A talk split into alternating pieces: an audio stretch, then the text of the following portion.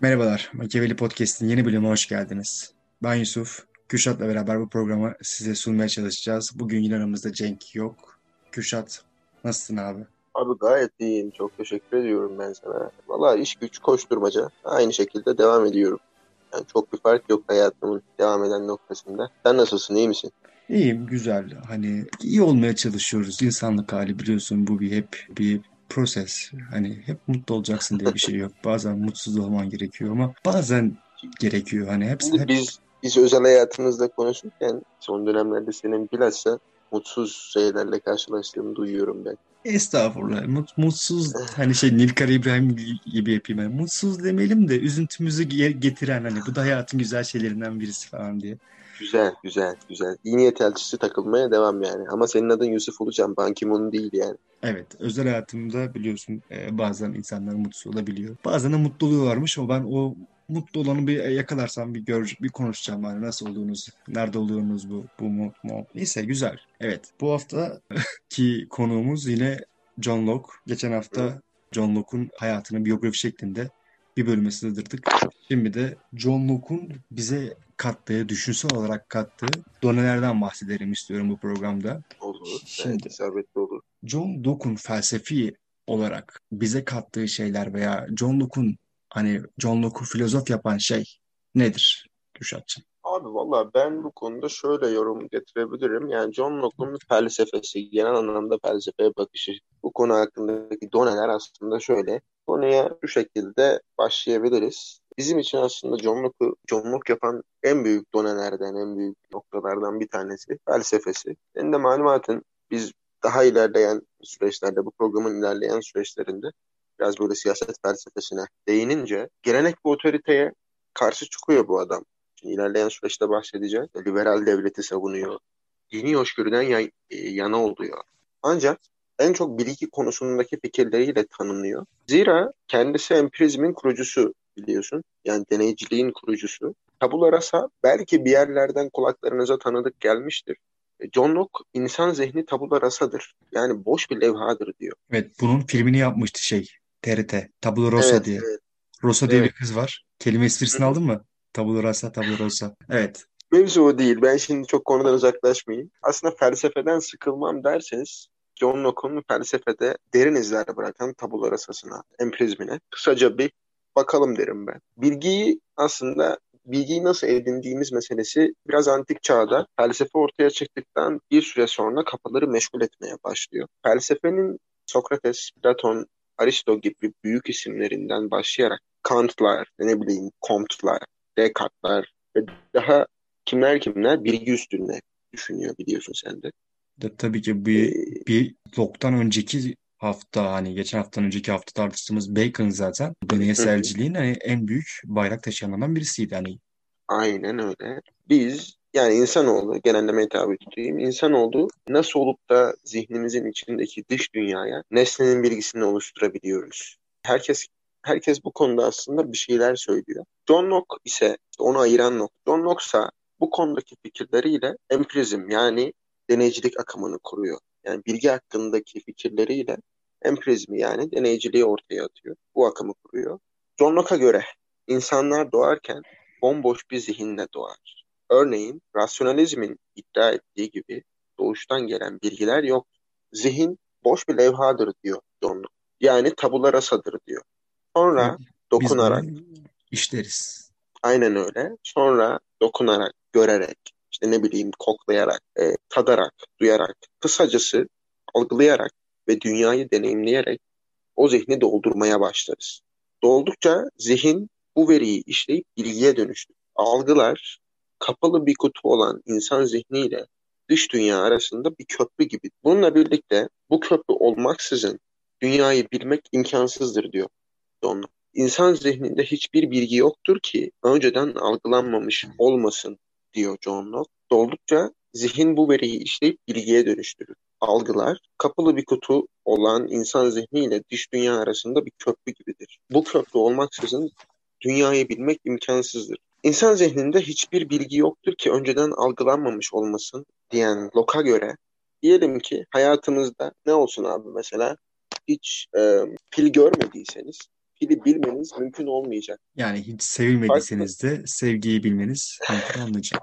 Abi sen sen çok romantik takılıyorsun. Farklı yaşam deneyimleriniz nedeniyle farklı algılar zihnimizdeki bilgilerin de farklı olmasına yol açabilir. Mesela yeni doğmuş bir çocuğun tabula rasasını nasıl dolduracağımız işte bu noktada çokça önemlidir. Aslında Locke'un savunduğu şeyin özü bu. Yani bir şeyleri deneyimleyerek elde edebiliriz diyor. Bu da işte empirizme geliyor. Felsefeye ve empirizme bu şekilde de değinebiliriz aslında Locke'un. Ben bu noktada bir sana bir soru yöneltmek istiyorum aslında. Dinliyorum. Abi önünde, abi önünde e, boş bir insan zihni olsa ona ne yazardın? Abi karikatürü var ya hani ay ben gülerim diye şu öyle bir cevap veresim geldi ama ne yazardım? Çok şey ya çok sert bir soru oldu bu. Hani bir insan zihni var ve onu onu sen besliyorsun. Ya burada şu an şeyi fark ettim bir aydınlanma geldi hani özellikle ilkokul öğretmenlerinin yaptıkları işin ne kadar kıymetli olduğunu şu an şu an dank etti. Yani ne koyardım? Hani ne bileyim ya çıkar diye bir şey koymazdım mesela. Veya Evet, e, çok. böyle bir cevap, böyle bir politik bir cevap verip kaçayım bu sorudan hemen. Abi politik Sen cevapla birlikte ben de mesela çok klasik olabilir. Hani bu tip mevzularda genelde ortaya atılan nokta budur. Ama gerçekten ben merhameti koyardım yani. Sıfır Ay, şeye, evet hayatta insanı 3-0 öne geçiren bir nokta bu. Neyse kesinlikle. felsefesinden ve empirizmden bu şekilde bahsettikten sonra aslında ben en çok merak ettiğim noktaya başlamak istiyorum seninle.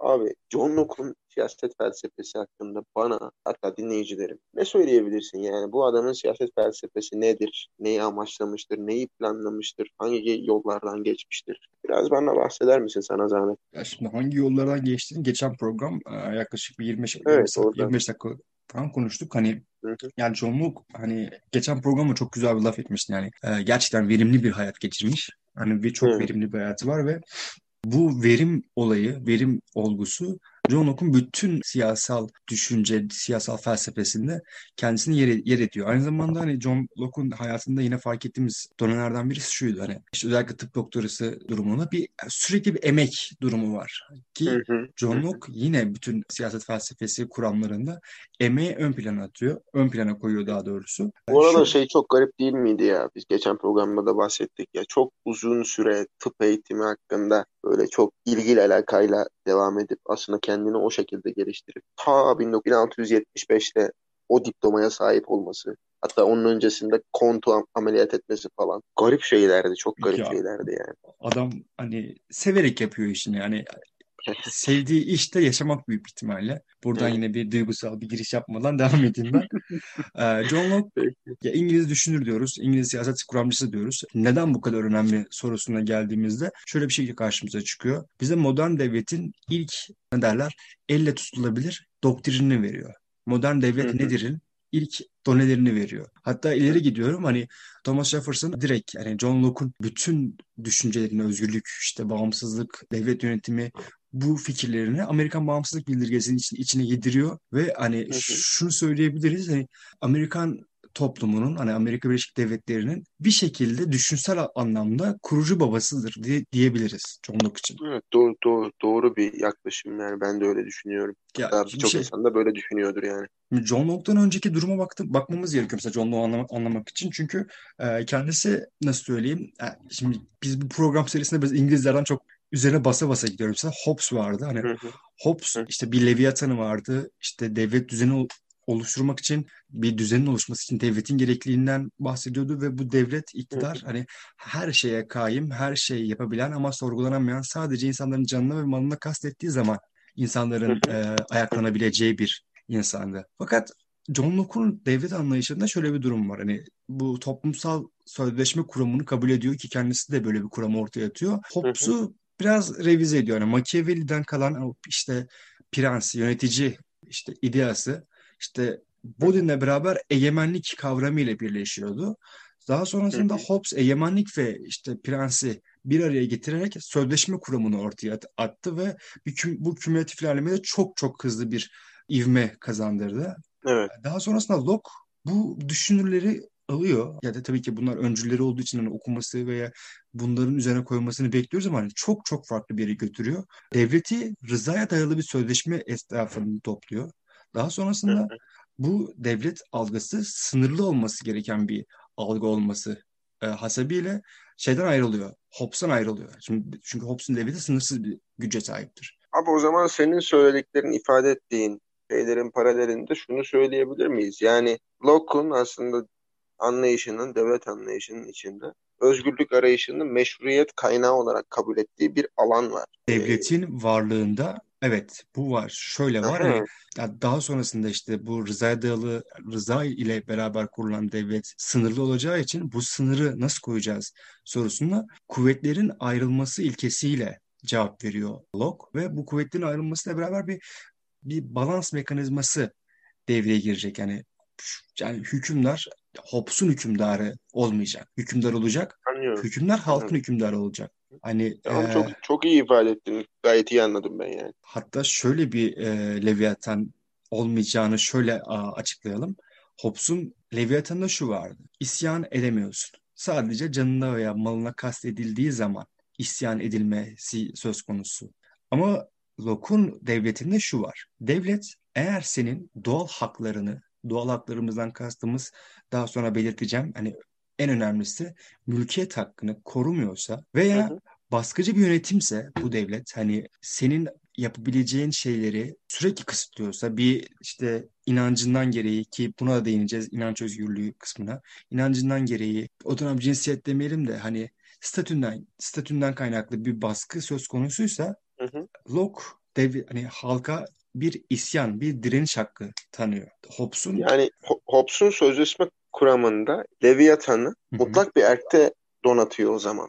Ama Hobbes, e, evet. Hobbes öyle yapıyor. Locke ama tam bu şekilde yaklaşamıyoruz mevzuya. Tabii ki. Locke, yani isyan hakkı var mesela Locke'da. Ya Locke'unki biraz daha şey eşit erkler arası bir e, sözleşmeye benziyor. Hı hı. Bir hükümdar var ama hükümdar bir halkın ortak rızasıyla belirlenmiş.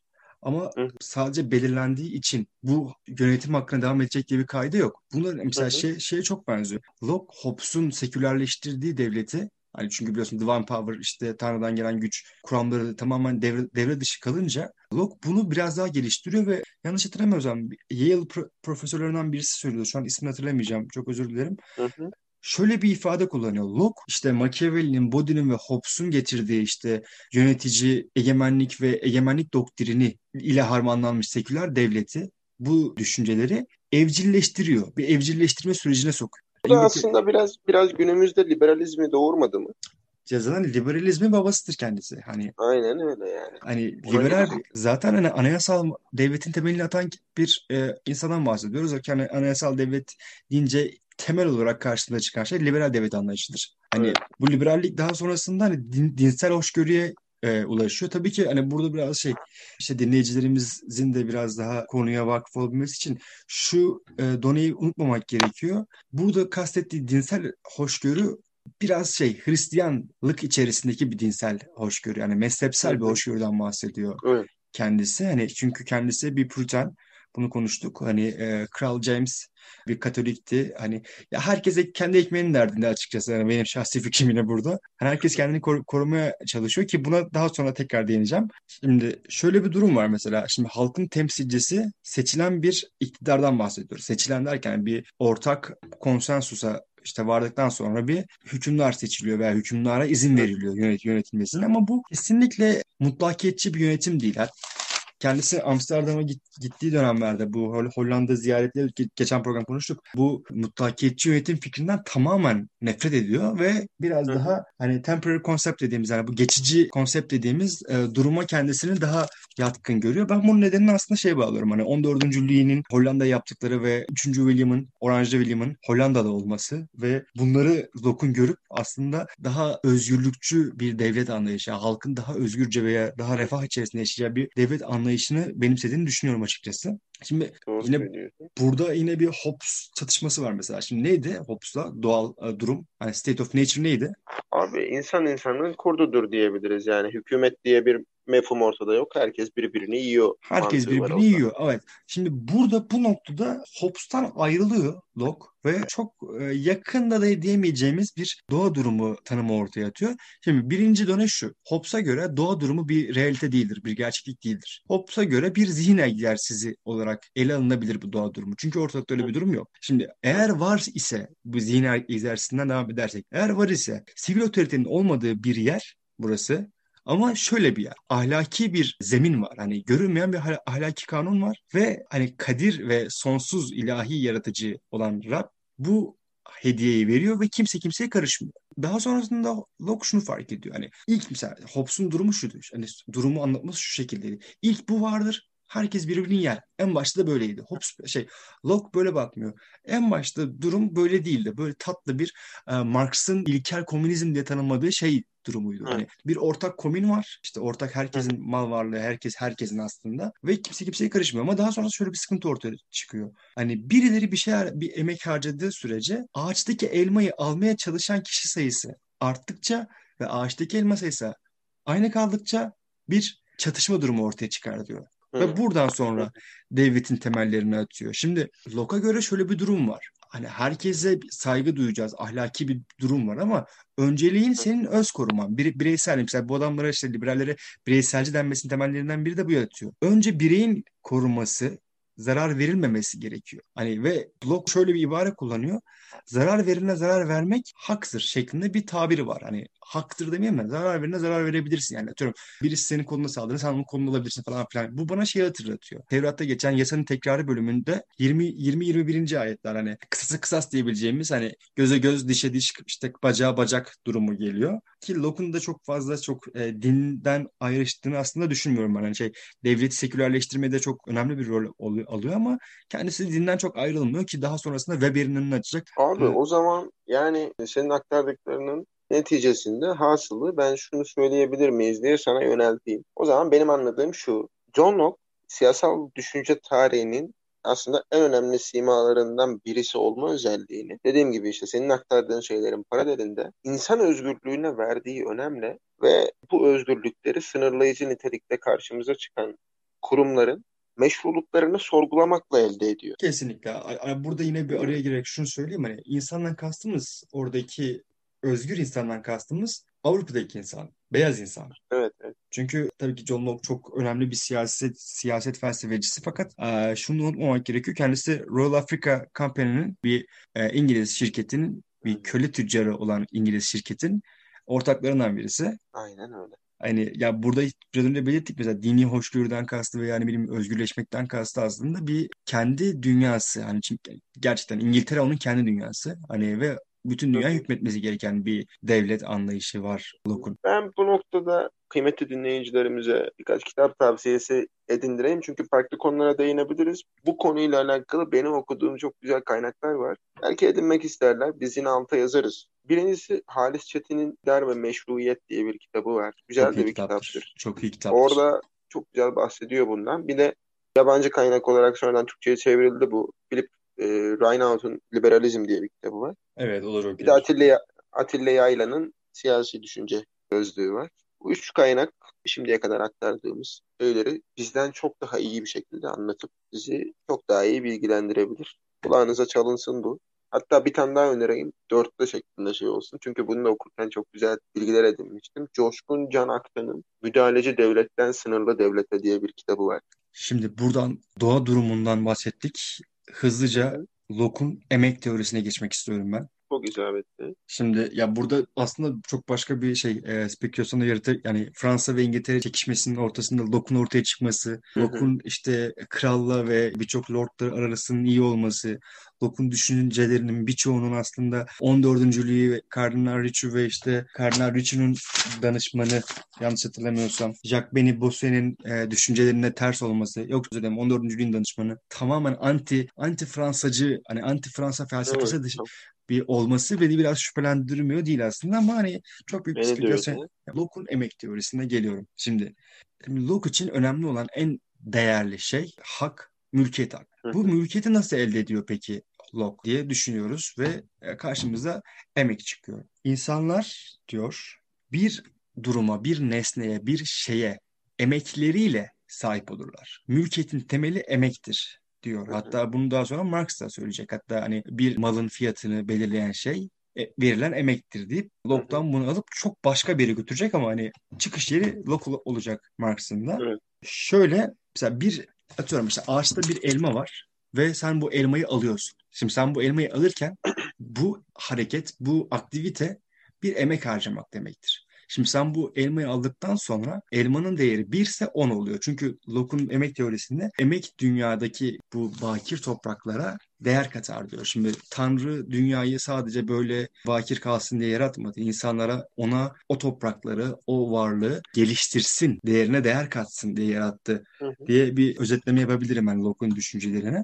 Şimdi elmayı ağaçtan aldıktan sonra diyor Locke, senin bu elmanın üzerinde hakkın vardı. Şimdi bunun en temel mülkiyet olarak gördüğü şey ise Locke'un çok basit bir şekilde hani insan haklarının temel durumlarından birisidir bu. E, yaşama hak, beden hak, beden dokunulmazlığı. Hani Locke'a göre ilk sahip olduğumuz mülkiyet beden hakkıdır. Şahsiyet. Şimdi Locke daha sonrasında bu mülkiyet kavramında dünya ile ilgili bakir toprakları geliştir geliştirmekle ilgili şöyle bir cümle kullanıyor. Dünya işlenir, işlenmek ve geliştirmek üzere yaratılmıştır. Hı. Mülkiyet edinmenin ise sınırı yoktur. Bu cümleden ne anlıyoruz? Mülkiyet edinmenin sınırı yoktur. Yani emek verdikçe sen mülkiyet sahibi olabilirsin. İstediğini elde edebilirsin. Kesinlikle. Şeye sahip Kesinlikle. olabilirsin diyor. Ya burada mesela bir paranın icadı veya paranın kullanılması durumu Locke için şöyle bir söz söyletiyor. Paranın işte kullanılmasıyla beraber sınırsız sermaye birikimi sağlanmış oldu. Şimdi çalış, çalışmak üzerinde hani emek harcamak üzerine şöyle bir kuramı var. Hani sen eğer emek harcıyorsan bir şeye, bir toprağa bilmem hani ne bileyim şu an çok romantik olmak istemiyorum ama hani bir ilişkiye emek harcıyorsan Hı-hı. bu bir bir bolluk getirir. Bolluktan kastımız şu. Toprağı ekip biçmekten örnek verdik yine. Bakir bir topraktaki işte yaban yabanıl bir ekinin getirdiği besin değeriyle senin ektiğin veya senin evcilleştirdiğin bir tahılın besin değeri aynı değil. Şimdi emek böyle bir değer katıyor. Şimdi sen bunu emek harcadıysan eğer bu senin mülkiyetin oluyor. Şimdi peki bu mülkiyet durumunun felsefi arka planı veya Locke'un emek teorisi niye bu kadar önemli? Çünkü Locke'a göre devletin temel görevi temel yani şey demiyorum hani şey te, devletin e, ne bileyim ya o yaparsa iyi olur Öyle bir durum değil. Temel görevi senin mülkiyetini korumak. İster buna beden mülkiyeti de, ister işte ev, araba de, ister hani sinayi haklar de. Hani bu çok önemli. Yani bu sinayi hak durumu da hani John Locke'un teoremlerinde çok önemli bir yer kapsıyor. Çünkü Tanrı dünyayı insanlara müşterek kılmıştır diye başlıyor yazısına. Herkes evet. ortak. Biraz önce Marx'ın işte primitif komünizm durumu gibi. Ama bazı insanlar emek harcayarak bir yerlere gel veya bir yerlere gelmeye çalış. Geldikleri yerler hmm. diğer insanlardan farklı yerler. Şimdi burada unutmamak gerekir ki bu çağ Locke'un yaşadığı işte 17. yüzyıl işte Hobbes'un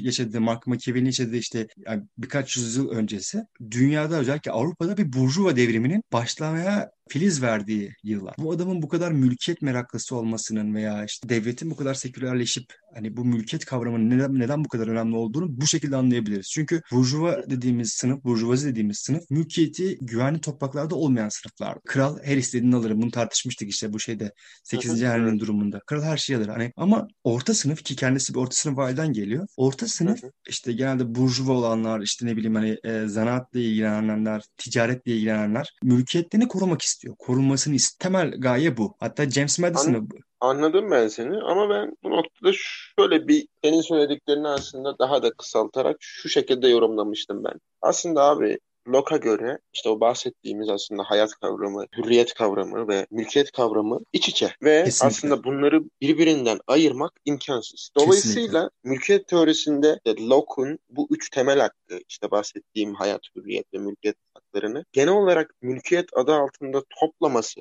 ve mülkiyete aslında bu kadar önem vermesi de garip bir şey değil. Tabii ki değil. Hani ya Hobbes'un bahsettiği o doğal durumu aslında bence Locke'u korkutuyor. Daha sonrasında çünkü Locke'un bahsettiği doğa durumu barışçıl başlamasına rağmen daha sonrasında yine bir savaşçıl duruma dönüşebilirdi. Bir de o dönemki İngiltere'yi düşündüğümüzde çok büyük bir kargaşadan çıkmış. İşte bir 10 yıl kral seçilememiş, kral devleti yönetememiş. Daha sonrasında işte Hobbes gelmiş. Yani birçok siyaset kuramcısı için çok korkutucu bir devlet e, tanımı ortaya atıyor. E, daha sonrasında Locke işte Fransa'yı ziyaret e, şöyle şu Locke'un yaşadığı dönemde hani 14. Louis diye bir adam yaşıyor. Yani şey yönettiği toprakları nasıl yönettiğini gerçekten muazzam bir yönetim şekli. Hani tabii ki fikir bazında değil ama hani güç bakımından, şaşa bakımından ki bu noktada Netflix'te de var bir tane dizi. Varsay diye bir dizi var. Hani onu ben çok iyi bir çok iyi anlatıyor 14. Louis. Hani ben, kendi... izle, ben izlemedim bir bakayım ona. Kesinlikle izle. Yani ya adamın lakabı Güneş Kral. Adamın çok muntazam e... muntazam bir şekilde devleti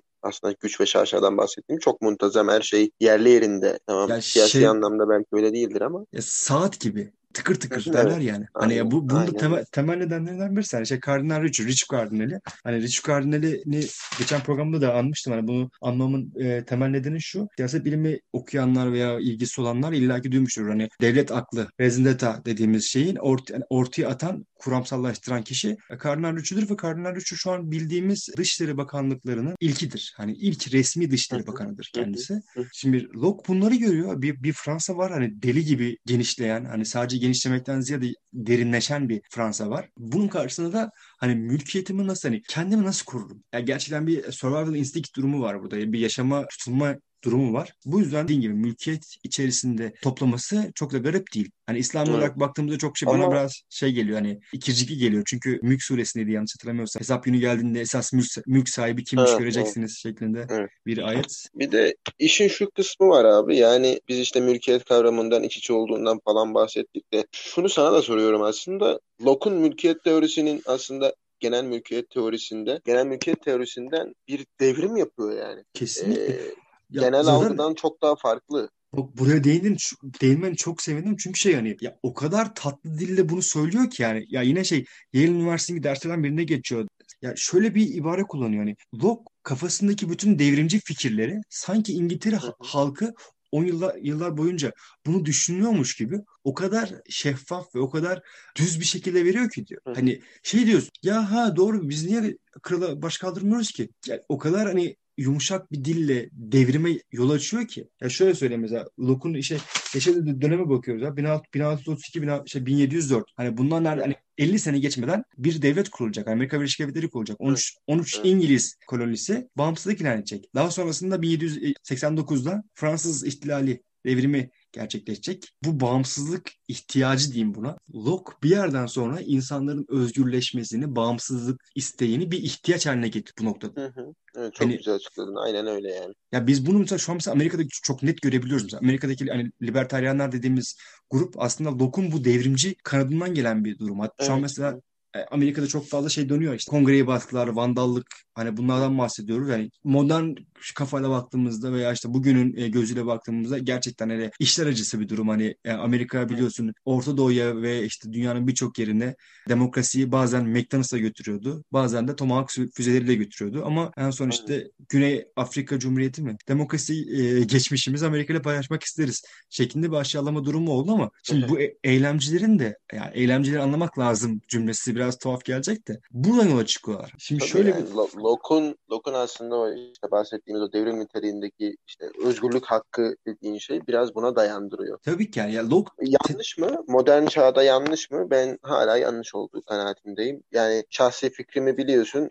Amerika'nın iç siyasetinde karışıklık olması beni sevindirir. Lakin modern dünya açısından çok yanlış yapılanlar. Ama evet. Locke özelinde biraz buna işte o libertaryanlar biraz buna dayanıyor. Mesela oradaki e, eylemleri yapanlar libertaryanlar de, değiller. Şimdi libertaryan dediğimiz adam hani Bernie Sanders hani demokrat partilerin şeyi. Aynen. Oradaki eylem, eylemleri yapanlar hani bu biraz şey olacak hani ne stereotyping olacak hani ben kullanmıyorum bunu. Genelde Washington Post'u daha iyi geçtiği için söylüyorum bir şey. Redneck dediğimiz o işte Bible Belt hani in, İncil kemeri denilen noktalardan gelen insanların da Trump destekçilerin bunu desteklemesi biraz tuhaf. Hani libertaryanlardan beklerdik biz bunu diyoruz ama Hop şey Locke diyor ki yani eğer halk olarak hükümetinizin, devletinizin, işte yöneticilerinin gasp edildiğini düşünüyorsanız isyan edebilirsiniz diyor. Şimdi hı hı. şimdi Amerikan seçmenlerine bakıyoruz. Trump seçmenlerine bakıyoruz. Hani şimdi Trump diyor ki ben bu seçimi kazandım. Ya hani, da seçimde şaibe var. Bir eylem, bir işte direniş. Hı. Bu aslında felsefi arka plana bakıldığında böyle adamlar hakları sanki, olarak görüyorlar. Aynen sanki bu hakkı kendinde gözetiyormuş gibi bir algı yaratmaya çalışıyor. Tabii ki yani. ya bakın biraz önce bahsettik ya işte hani önce bireyin kendisini koruması gerekiyor durumu. Buradan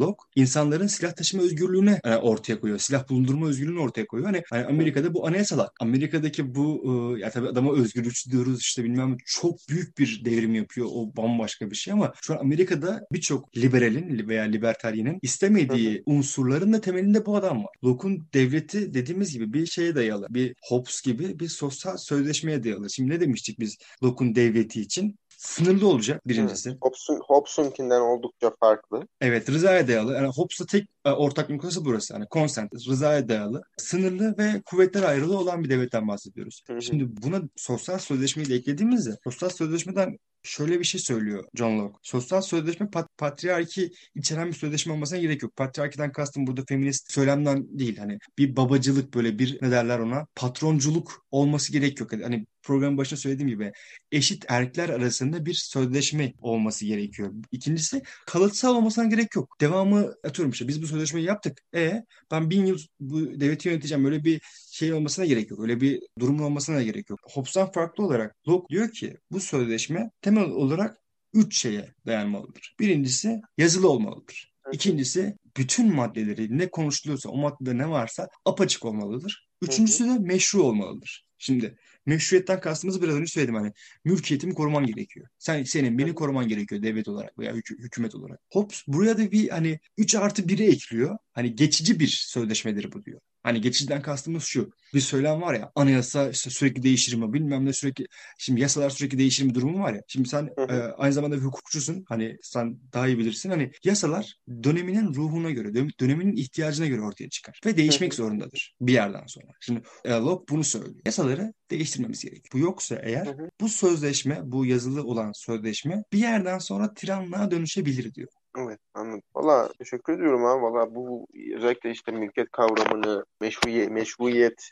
e, mefhumunu ortaya attık ve çok güzel açıkladın. Ben yani bu konu hakkında bu mülkiyetle alakalı aslında Locke'un dediği bir şey var. İşte uygar yönetim üzerine ikinci incelemesi bir topluma devlet kitabında da bunu bahsediyor. Onu, onu ok- okuyayım istiyorsan. Onu ben notlarımı almıştım. Aslında güzel de açıklıyor o anlattığın şeylerin böyle paralelinde. Hı hı. Diyor ki Locke mülkiyetle ilgili yani neticede şunları söylüyor aslında. Böylece zannederim ki emeğin ilk başta doğadaki ortak şeyler üzerinde nasıl bir mülkiyet haline geldiğini ve emeği kullandığımız şeyler üzerine uygulamanın nasıl bağlayıcı olduğunu kavramak hiçbir zorlukla karşılaşmadan son derece kolaydır. Bu yüzden söz konusu zamanda ne mülkiyet yetkisi ne de hiç kuşkusuz emeğin verdiği servet genişliği için kavga etmeye neden yok. Hak ve elverişçilik birbirine uygundur. İnsan üzerine emeğini uygulayabildiği her şey üstünde bir hak sahibi olduğundan kullanabileceğinden fazlası için çalışmaya eğilimli olmamış. Bu nedenle hak konusunda zıtlaşmaya ya da diğerlerinin hakkına tecavüze yer kalmamıştır. İnsanın kendisine ayırdığı pay kolaylıkla görülebilirdi ve insanın kendisine aşırı pay ayırması ya da ihtiyaç duyduğundan fazlasını alması onursuzca olduğu kadar yararsız diyor. Ama aynı John Locke dediğim gibi mülkiyet ediniminin sınırsız olduğunu da söylüyor. Evet. Hani ya aslında buradaki biraz iyi niyete baktığımda mülkiyet edinimin sınırsız olması cümlesi insanın emek harcayacağı şeylerin sınırsız olması anlamına geliyor olabilir. Ve şimdi burada aslında o şeye geliyor bu mevzuda. Biraz hani devrimden bahsetmiştik ya biz. Hani genel mülkiyet kavramına bir devrim aslında şeyin John Locke'un mülkiyet kavramı. Aslında burada işte şunu da söyleyebiliriz yani liberal siyasi teoriye katkısı tabii ki bundan ibaret değil ama bu teoriyi bana göre mülkiyetin kaynağı ve daha büyük ölçüde vazgeçilmezliği açısından biraz ben liberalizmin klasik teorisi olarak görüyorum. Kes yazan şey temelde üç klasik liberal sayarlar hani işte John Locke, Adam Smith ve e, David Ricardo.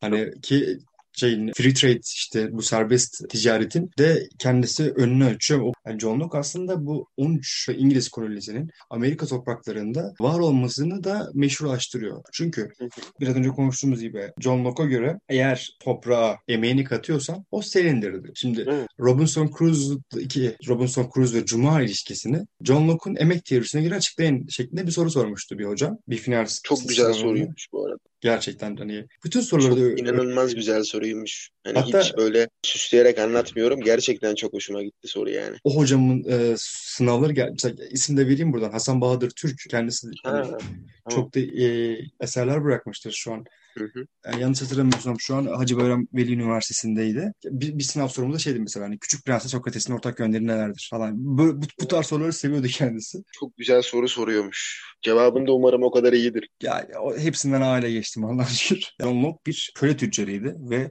John Locke aslında bir yerde köle tüccarlarına yardım etti. Yani bu şey tabii ki bunu sadece John Locke üzerine söylemiyorum. Mesela Hugo Grotius vardır. Bu uluslararası hı, babasıdır kendisi. Özgür Deniz adlı bir kitabında hani bu işte free trade, bu serbest piyasa ekonomisinin ve e, ticaretin olması gerektiğini söylüyor ama kendisi bir realisttir. Kendisi e, Hı. bunun istemesinin nedeni şu. Gemileri var. Köle tüccarlarıyla beraber çalışıyor. Gemilerinin daha rahat geçmesi için bunu söylüyor aslında. John Locke'u da ben biraz buna yakın görüyorum ama e, bu nokta çok e, girmek istemedim şimdi. Hani yete, ben yeterince açık, açıkladık bu konuyu.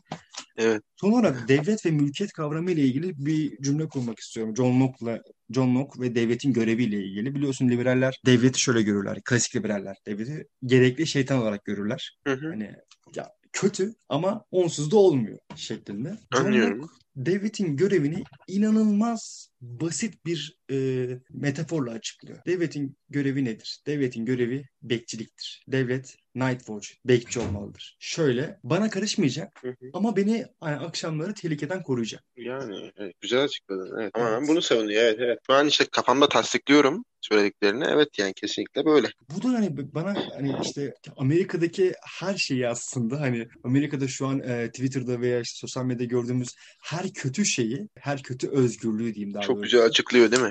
İnanılmaz güzel, güzel açıklıyor. Zaten şöyle e, ya bu biz işte American Politics dersi al- alırken falan hani ne alakası var şeklinde görüyorsun önce. Bir John Locke görüyorsun. Hı hı. Ar- araya bir sokuyorlar. Ömrü vefa etseydi eğer hani e, yani 150 yıl falan yaş- yaşayabilmiş olsaydı eğer büyük ihtimal Amerika'ya taşınırdı kendisi. Çünkü idealize ettiği ülke orası.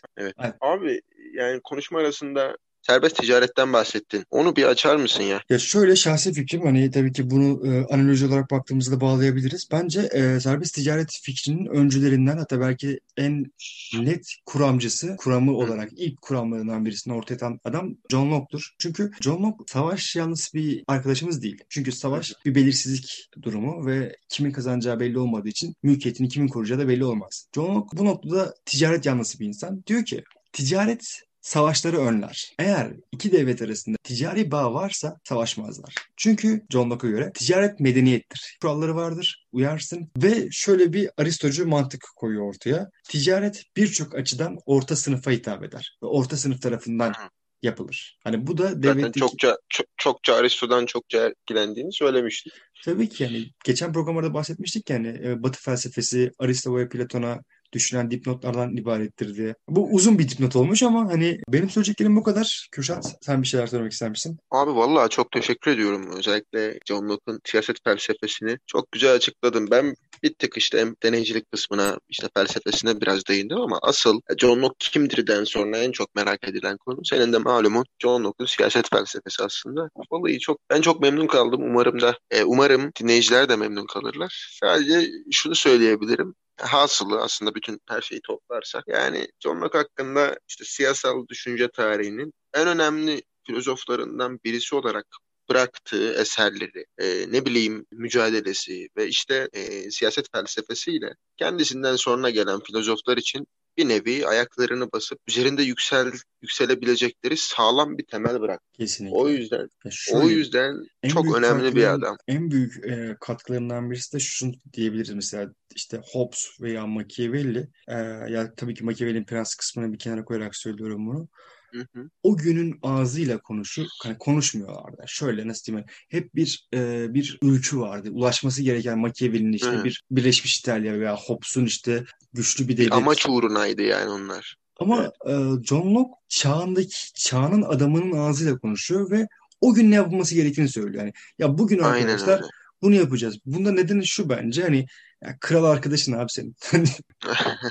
Ya bununla birlikte çok güzel noktaladın. Bununla birlikte de yani söylediklerimiz aslında son söylediklerimizin e, devamında görülüyor ki şey yani ölümünün üzerinden 3 asırdan yanılmıyorum değil mi? 3 asırdan fazla zaman geçmesine rağmen işte ne bileyim gerek takipçileri gerekse muhalifleri tarafından dün olduğu gibi bugün de çeşitli platformda hatta şu an biz bile tartışıldıkça ve eleştirildikçe John Locke'un isminin hafızalardaki hafızalardaki yerini koruyacak. Muhakkak ben çok memnun kaldım bu programı çekmekte hazırlanırken falan. Ben Ki çok hala- keyif aldım. Ben Aynen öyle. aldım. Hala hazırda işte liberalizmin babası olması sebebiyetiyle siyasal düşünce tarihine kattıklarıyla benim malumatım olan bir insandı kendisi ama bu kadar derin bir şekilde incelememiştim. Hasılı çok uzattım. Kusuruma bakma. Estağfurullah. Çok teşekkür ediyorum. Ben Çok teşekkür keyifli ederim. bir yayındı. Umarım Çok, çok dinleyen, keyifli bir yandı. dinleyen dinleyenlerimiz de keyif alır. Umarım sıkmamışızdır. Umarım, umarım, umarım, umarım öyle olur yani. Abi zaman- görüşmek üzere ilerleyen programlarda. Eyvallah. Bize müsaade. Size keyfinden ver. Görüşmek üzere tekrar. Görüşmek üzere.